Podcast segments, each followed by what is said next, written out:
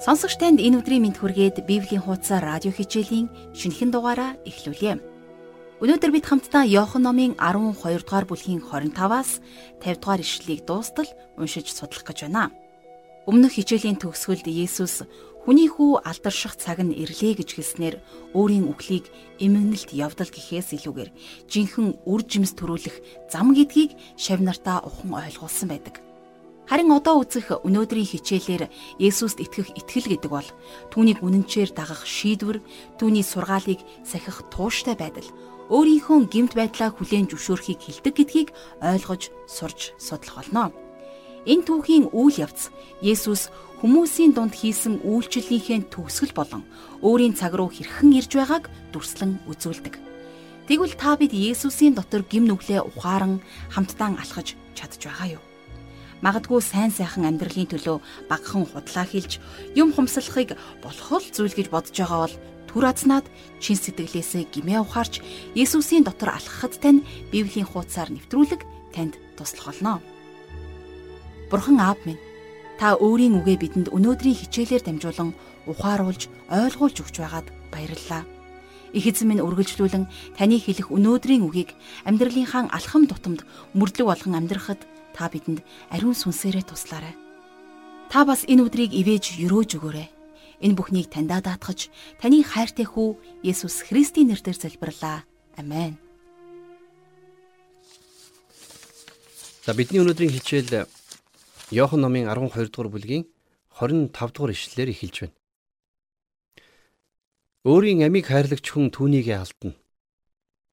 Энэ ертөнцид өөрийн амийг үзен яддаг хүн түүнийгээ мөнх амьд хүртэл хамгаалах болно гэж энд бичсэн байна. Тэгэхээр Есүс тэдэнд хариулсан. За тэд гэдэг нь дагалдагч нар болон грекчүүдийн аль аль нь байсан баха гэж би бодож байна. Есүс өөрийг нэгэд ирэх хинрүүч очихоос татгалзахгүй гэдэгт би итгэдэг. Тиймээс грекчүүдийн саналыг хүлээн авч уулдсан баг. За мэдээж грекчүүд түүний үйлдэлсэн гайхамшгуудын талаар за ялангуяа тэр Лазарыг хэрхэн амьлуулсан талаар сонссон учраас түүнтэй уулзахаар ирцгэс. Одоо тэр грекчүүдийн анхаарлыг загалмай руугаа хандуулж байна. Тэр одоо загалмайн яг сүдэрт байна. Тэр тэдэнд цаг нь ирсэн гэж хэлдэг. Түүний үн мөнхөөс гарч ирээд зорьсон тэр хямралын цаг нь ирж байна гэсэн үг. За магадгүй тэр өмнө нь ээжтэй миний цаг хараахан болоогүй гэж хэлж байсныг та санаж байна уу? А харин одоо болвол түүний цаг ирсэн. Есүс загалмай руугаа явж байна. Харин загалмайн талаарх Есүсийн ойлголт за Ромын хүмүүсээс бол огт өөр байсан юм. Тэдний хувьд загалмай бол гудамжиг, доромжлол, ичгүүрийн нэг хэрэгсэл, цаазын тавцсан байсан. А гэтэл Есүс үхэл хүртэл, загалмайн үхэл хүртэл дуулууртай байсан. Энэ тухай хожим нь Илж Паул дурсан бичгтээ Галатотынд бичсэн цагтлынхаа 3 дугаар бүлгийн 13 дугаар ишлэл дээр Христ бидний төлөө хараал болсноороо биднийг хуулийн хараалаас золисон юм. Учир нь модон дээр өлгөгдөгч хүмүүр хараагдсан юмаа гэж бичигдсэн байдгаа гэж дурссан байдаг. Харин үхээд 3 дахь өдрөө Есүс үхлээс дахин амилсан. Тэр алдар ба хүндэтгэлээр дүүрэн байсан юм. За Еврей номын 12 дугаар бүлгийн 2 дугаар эшлэлдэр тэр өөрийнх нь өмнө тавигдсан баяр баясгалангийн төлөө гутамшгийг ис тоомсорлон загалмайг твжсэн бөгөөд бурхны сэнтийн баруун гарт заларсан юмаа гэж байна. Бурхны алдар тэр загалмай дээр харагддаг юм. Тийм болохоор Есүс түүний хувьд алдаршуулгадах цаг нь ирсэн гэдгийг хэлж чадсан юм. Есүс та бидний төлөө нас барахтаа алдаршуулгдсан. Тэр булчнаас гарч ирэхдээ алдаршуулгдсан байсан. Өршөөл уучлал нь тэр загалмай дээр л байдаг юм. Тэгэд эзэн буудаан үрийн талаарх зөвлөлийг ашиглаад нэгэн агуу зарчмыг энд заасан байна. Юу вэ гэхлээр үр жимс авчрахын тулд альва үр үхэх ёстой байдаг. Тэгэхээр яг энтэй адилханаар Есүс өөрийнхөө амийг золисон золилтын үхлээрээ өөрийн амийг тушаасан. Ингэснээр бид амьтаа болох юм. Учир нь ертөнцийн гим нүглийн төлөө Есүс нас барсан шүү дээ. За харин өөрийг нь харахаар ирсэн грекчүүдэд энийг хилдэг нь надад нэг жаахан хачин санагддаг. Хариуд нь Есүс тэднэрт түүнийг бодитоор харахаас илүү зүйл байгаа юмаа гэдгийг хэлдэг. За тэдний хувьд чухал зүйл болвол тэр нас барах ёстой гэдэг нь. Тэр буудаан үр шиг газарт унах гэж байна. Гэхдээ энэ нь амийг бий болгодог. Тэр нас барсан. Бас дахин амилсан. Энэ л үнэхээр чухал. Тэрээр энэгээр дамжуулаад грекчүүдэд нэгэн маш агуу үннийг тайлбарлсан юм. За хоёр төрлийн ам байдгаа гэдгийг. За бодит амьдрал гэж байдаг. Энэ дэлхийн зүйлсэд баярлах тэр ам. Өөрийн амийг хайрлагч тэр гэдэг нь бидний энэ бодит амийг хилж байгаа юм.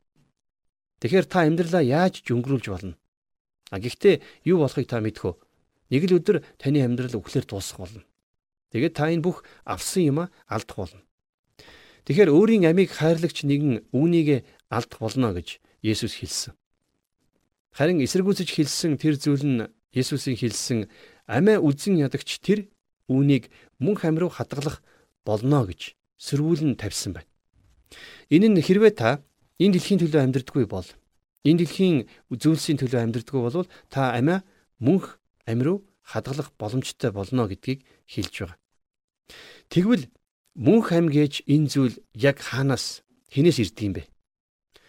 Есүсийн хэлснээр газар унаад ургасан үрийн үхэх тэр замаар л ирдэг. Энэ бол Есүс Христийн үхлийг илэрхийлж байна. Чухамхүү энэ л үхэл таны амиа аврах цорын ганц арга зам болдго юм. За ингээд өнөөдрийнхөө судалж байгаа Иохан номын дараагийн ишлэлээ одоо хамтдаа уншицгаая. За 12 дугаар бүлгийн 20 6 дугаар ишлэл. Хэрв надад үйлчлэх хүн байвал намайг даг. Би хаана байна? Тэнд бас миний зарц байх болно. Хэрв хүн надад үйлчлэвэл тэр хүнийг эцэг минь хүндэлнэ гэсэн байна. За тэгэхээр Есүс тэднэрт өөрийгөө даг гэж хэлж байна. Ягд үг гэхээр Есүс загалмай руугаа явж байсан. Тэгэхээр тэр өөрийнх нь байгаа газар зарцнарн ч гэсэн бас байна гэдгийг амладаг. Хэрвээ хин нэг нь надад үйлчлдэг бол эцэг минь түүнийг хүндлэх болно гэж Есүс хэлсэн. За 27 дугаар ишлэгийг харах юм бол одоо сэтгэл минь шаналж байна. Би юу гэж хэлэх юм бэ? Аава энэ цагаас намайг авраач гэхүү. Гэвч би энэ зорилгын төлөө энэ цагт л ирсэн гэсэн байна. Христийн загалмайтай хамаатай тайлбарлах боломжгүй онцгой нэгэн зовлон нь энэ юм. Тэр зөвхөн хүмүүсийн гарт зовоогүй. Хүмүүсийн гарт зовсон мэдээж өөдгөө хэрэгэлдэ. Гэхдээ тэр тэрнээс илүү зовсон. Таны гим нүглийг миний гим нүглийг Есүсийн нуруунд дээр тогсон байсан. Тэр тэнд загламай дээр ууй гашуу зовлонгийн хүн болсон. За энэ тухай зүнч Исая өөрийнхөө бичсэн номын 53 дугаар бүлгийн 3 дугаар ишлэлдэр зөвгнөн бичсэн байдаг. Тэр өөрийнхөө гмийг биш харин ертөнцийн гмийг үүрсэн. За мөн л Исая 53-ын 4-р эшлэлдэр үнэхээр тэр бидний өвчнийг өөртөө тээж бидний ууй гашууг даав гэж Есүсийн тухай зөвгнөн бичсэн байдаг.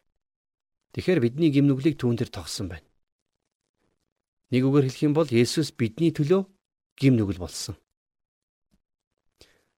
За Исая 53-ын 10 дээр үргэлжлүүлэн харах юм бол гівч түүнийг няцалж өвдөгөх нь эзний таалал байв.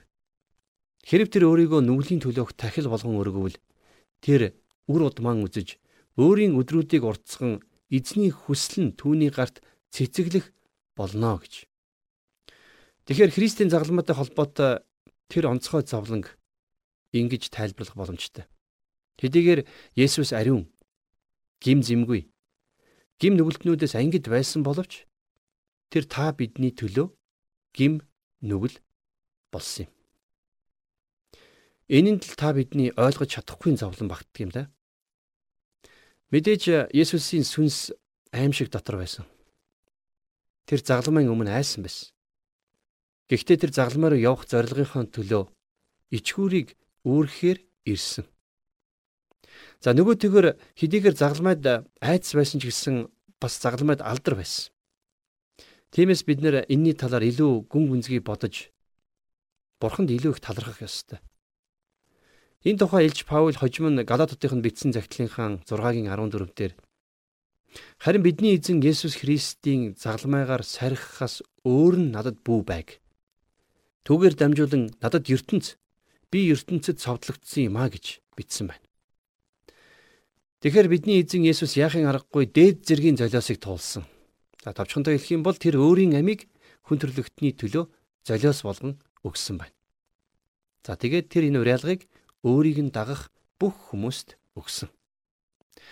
Энэ ертөнцид өөрийн амийг үзен ядагч тэр үүнийгээ мөнх ам руу хадгалах болно. Хэрв альва хүн надад үйлчлвэл тэр хүн намайг дагах.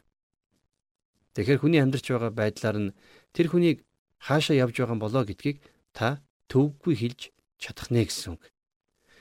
Хин нэгэн бид итгэлээр аврагдгаа гэж би бодсон. Та үйлсээс илүү итгэлийг үргэлж онцолдгоо гэж хэлж болох юм. Энд зөвлөдөө би ч бас тэгдэг. Хэрвээ та аврагдах юм бол та түүнд итгэл найдвараа тавих хэрэгтэй болно.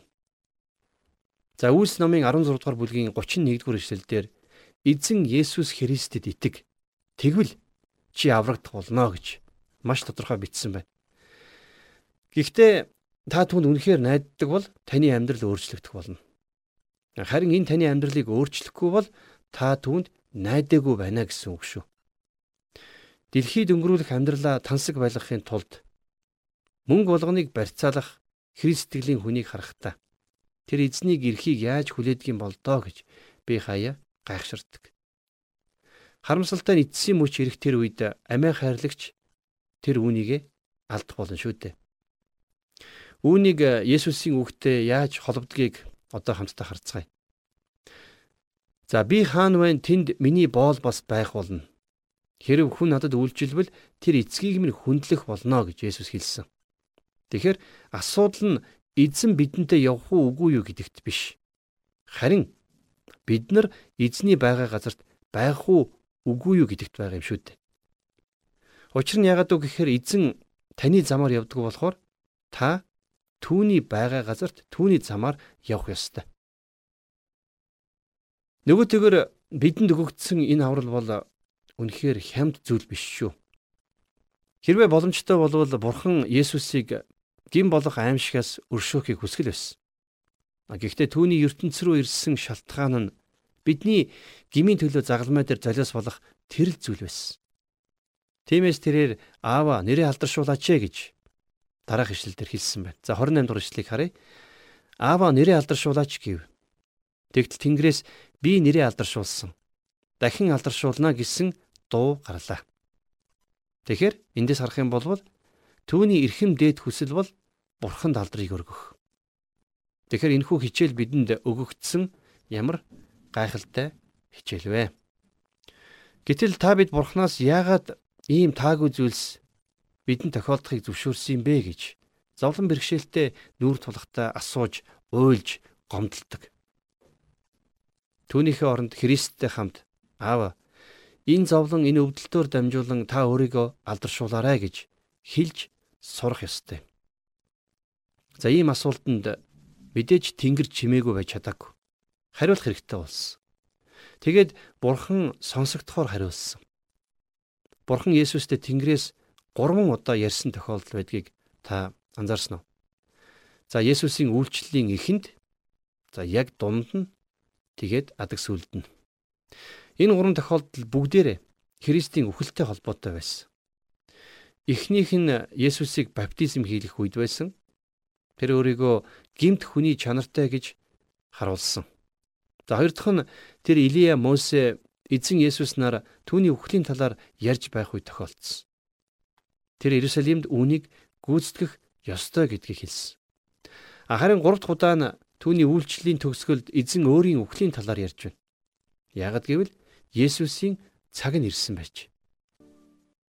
29-оос 30 дахь эшлэлдэр Тэнд зогсож байсан хүмүүс үүнийг сонсоод Тэнгэр дуугарлаа гэхэд зарим нь Тэнгэр илж түүнтэй ярьлаа гэцгээв. Есүс энэ дуу миний төлөө биш харин та нарын төлөө гарсан гэж хариулсан байна. За хүмүүсийн хариултын яг аль нь зөв байсан юм болоо? А гэхдээ эдгээрийн аль нь ч зөв байгааг байгааз Энд тэнгэр илж байгаагүй. Тэнгэрч дуурайгүй. Харин бурхан эцэг Есүстэй ярьж байсан. За нэг хэсэг нь бол энийг ер бишийн зүйл гэж итгэсэн. Тэд нар хуучин гэрээн дэх Тэнгэр элч нарын үйлчлэлийн талаар мэддэг байсан байх. Хүнд хэлэх бурхны үг эзний Тэнгэр элчээр дамжин ирдгээ гэдгийг тэнд байсан зарим хүмүүс ойлгодог байсан. А гэхдээ тэд нар эзний Тэнгэр элч нь Христийн өмнөх дүр байсан гэдгийг ойлгоогүй ч гэсэн Тэнгэрээс гарах тэр дуу бол бурхны үгийг авчирсан гэдгийг бол өөрийн ирэхгүй хүлээн зөвшөөрсөн. За харин нөгөө хэсэг хүмүүс бол Тэнгэр дугарлаа гэж хэлснээрээ зүгээр нэг байгалийн үзэгдэл боллоо гэж ойлгосон. За тэгвэл өнөөдөр ч гэсэн олон хүн яг ийм хандлагатай хിവэрэл байгаа. Тэд нэр бурхны үгийг алдаатай гэдэг. Тэмдэглэгдсэн гайхамшгуудыг үнэн байх боломжгүй гэцгээдэг. Тиймээс тэд нар энийг зүгээр л Тэнгэр дугарсан гэж хэлсэн.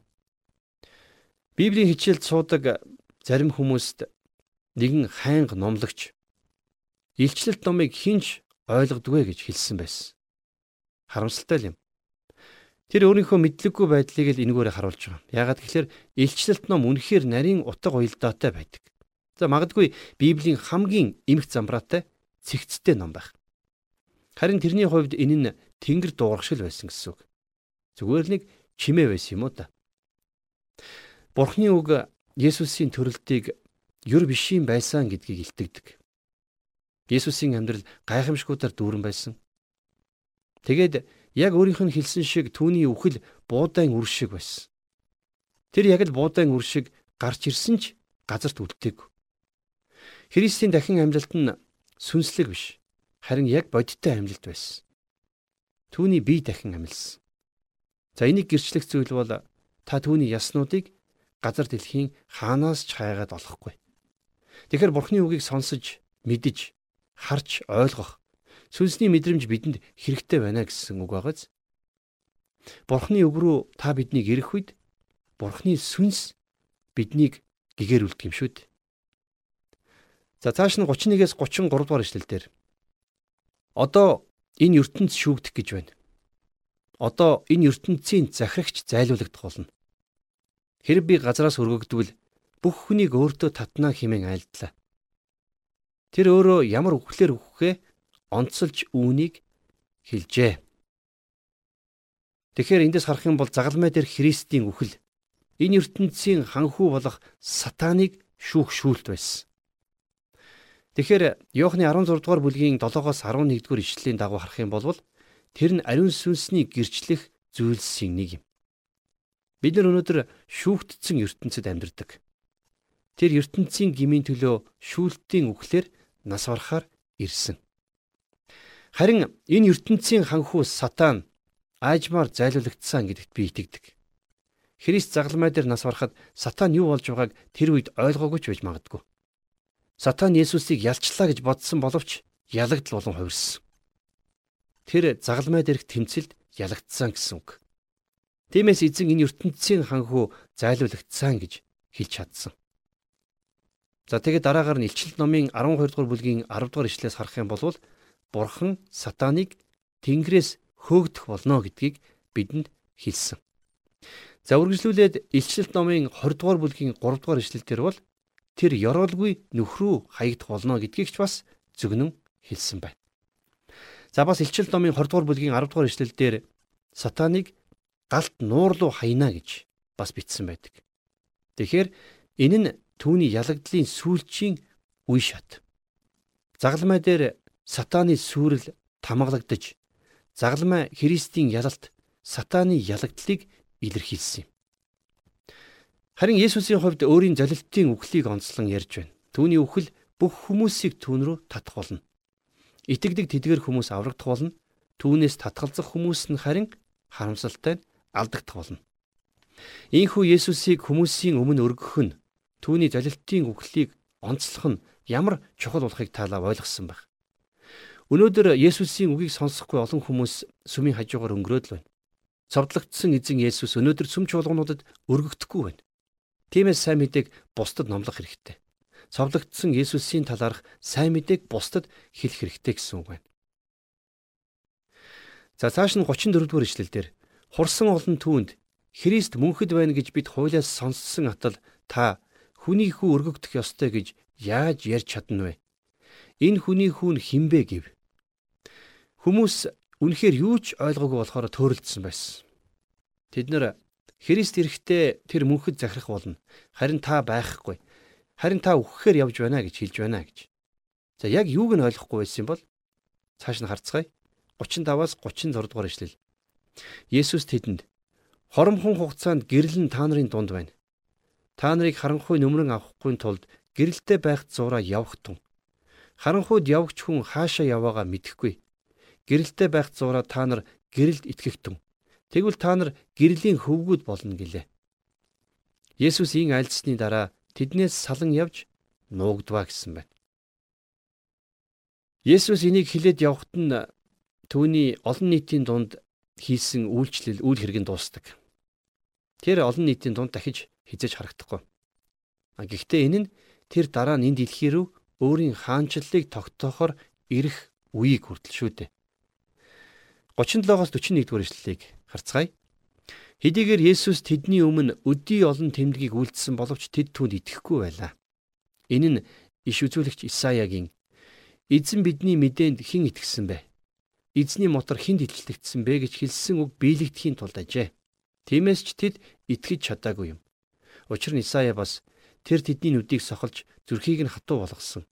Ингэснээр тэд нүдэрээ харж зүрхээрээ ухаарч эргэж буцахгүй бөгөөд би тэднийг эдгэхгүй юмаа гэсэн.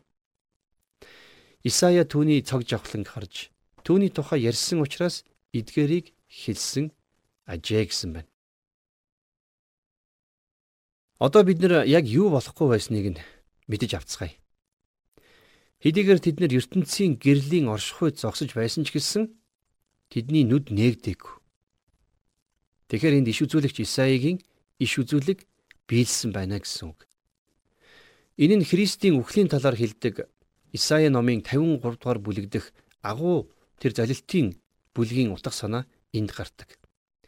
Энүүгээрээ тэр Христийн үхлийг тэдэнд танилцуулсан. Тэд нэр түүнээс татгалцсан учраас өөрсдөд нь танилцуулагдсан байсан гэрлийг харж чадахгүй сохор байсан.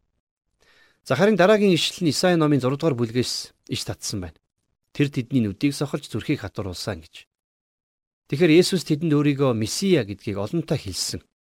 Гэвч тэд нар Есүсийг эсэргүүцсэн. Харин тэр одоо тэднээс татгалзаж байна. За намайг анхааралтай сонсоорой. Тэд нар Есүсийг хүлээн авахгүй учраас тэд түүнийг хүлээн авч чадахгүй болох өдөр ирсэн гэсэн үг. Энэ дэлхий дээр хамгийн аюултай зүйл болвол сайн мэдээг сонссон хэрнээ тэрнийг хүлээн авахгүй явдал юм. Хэрвээ та сайн мэдээг үргэлж сонсдог хэрнээ хүлээн авч энүүгээрээ үйлдэж амьдрахгүй бол та сонсож харж чадахгүй болох цаг удахгүй ирэх болно. Бурхан бол бурхан. Бурханд эцсийн үг нь байдаг. 42-оос 43 дугаар ишлэлийг харъя. Хэдий тийм боловч захирагчдаас олон хүн Есүст итгэсэн билээ. Гэвч тэд фарисеучудаас болж түүнийг илээр хүлээн зөвшөөрсөнгүй. Тэд синагогоос хөөгдөхгүй гэсэндэ тэгжээ. Учир нь тэд хүний алдрыг бурхны алдраас илүү таалсан юм а гэсэн байна. Ямар харамсалтай вэ? Тэд нар өнөөдөр бидний дунд байдаг хулчхар нууц итгэгчид шиг байсан. А гэхдээ одоо бид нэр тэр үед нууц итгэгчдийн хоёр нь Есүсийн цогцсыг загалмайнаас буулгасныг удахгүй олж мэдэх болно. За 44-өөс 46 дугаар ишлэлийг харъя. Есүс хашгиран Надад итгэгч хүн надад итгэж байгаа биш харин намайг илгээгчд итгэж байгаа юм. Намайг харагч хүн намайг илгээсэн нэгнийг харж байна. Надад итгэдэг хүн бүрийг харанхуйд байлгахгүй тулд би ертөнцид гэрэл болон ирсэн. Есүс өөрийнхөө гайхалтай үгсийг давтан давтан хэлж байна. Тэр бол ертөнцийн гэрэл юм. Энэ нь түүний сохор хүнд хараа оруулах тэр цаг байсан. Тэр өөрсдийгөө сохор гэдгийг тэдэнд ертөнцийн гэрэл хэрэгтэй гэдгийг хүлээн зөвшөөрөхөд бэлэн байгаа хэн болгоны нүдийг нээх болно. За тэгээд цааш нь үргэлжлүүлэн ингэж хэлсэн байна. 47-оос 50 дугаар эшлэлдэр Хэрв миний үгийг сонсоод үл сахидаг хүн байвал би түүнийг шүүхгүй. Учир нь би ертөнцийг шүүхийн тулд бос харин ертөнцийг аврахын тулд ирсэн юм. Намайг голж миний үгийг хүлээж авдаггүй хүнийг шүүх шүүгч би. Миний хэлсэн үг эцсийн өдөрт түүнийг шүүнэ. Яагад гэвэл би өөрийн санаагаар яриаг харин юу хэлж юу ярих тушаалыг намайг илгээсэн эцэг өөрөө надад өгсөн юм. Түүний тушаал бол мөнх ам мөн гэдгийг би мэднэ. Тиймээс миний хэлж байгаа зүйлс нь эцгийн надад хэлж байгааг би хэлж байгаа юм гэж альдлаа. Эцсийн мөч ирэх тэр цагт бид нар Бурхны үгээр шүүгдэх хэрэгтэй болно. Бид нар өөрсдийн өчүүхэн сайн үйлсээр бол шүүгдэхгүй. Бид ямар нэгэн шашнаар шүүгдэхгүй. Харин бид Бурхны үгээр шүүгдэх болно. Есүс энэ дэлхийд анх удаага ирэхдээ аврагч болон ирсэн. Тийм учраас тэрээр би ертөнцийг шүүх гэж ирээгүй. Харин ертөнцийг аврах гэж ирсэн гэдгээ хэлсэн. Харин тэр хоёр дахь удаага энэ дэлхийд ирэхдээ шүүгч болон ирэх болно. Тэнгэрээс гарах туу бидэнд хэлсэн хിവэрэ. Юу вэ гэвэл энэ бол миний хайртай хүү. Түүнийг сонс гэж Матай сайн мэдээ номны 17 дугаар бүлгийн 5 дугаар ишлэлдэр тэмдэглэгдсэн байдгийг бүгдээрээ хамтдаа санацгаая. Тэгэхээр энэ бол миний хайртай хүү. Түүнийг сонс гэсэн энэ үг Иохны сайн мэдээний өнөөдрийн үтсэн бүлгийн дүгнэлт байсан юм. Харамсалтай нь хүмүүс тухайн үед тэр дуунаас нүүр буруулж хаанаас татгалцсан. Хүмүүс өөртөөгөө адилхан нэгнээс магтаал цаашаалыг хүлээж хүсэж дуралдгаас болж өөрийн итгэл үнэмшлээ золиосолж ухамсар мөн чанартайгаа зөрчилдсөн зүйлсийг үйлддэг. Тэр үед хүмүүст яг л ийм алхмыг хийсэн.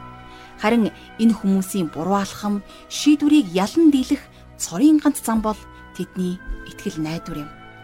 Бурханд чин сэтгэлээсээ итгэж гим нүглээ ухаарч Бурханы үгээр дуулууртайгаар алхаж чадвал та бид мөнх амийг түүнээс авах болно. Хизээ нэгэн цагт та бид үхэл химээх аимшигт үнэнтэй нүүр тулахад таны сүнс аврагдах болов үгүй юу гэдгийг бурхан л шүүх болно. Тэр бол үн мөнхийн хаан юм.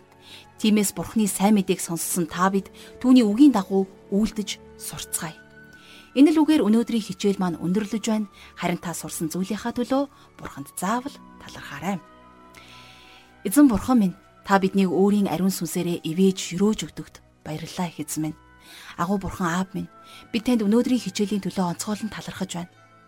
Та өөрийн хүүгээ аврагч болгон бидэн рүү илгээж бидний гмийг уучлсанд бидний төлөө хийсэн хайрын үйлсэнтэн төлөө бид талархаж байна.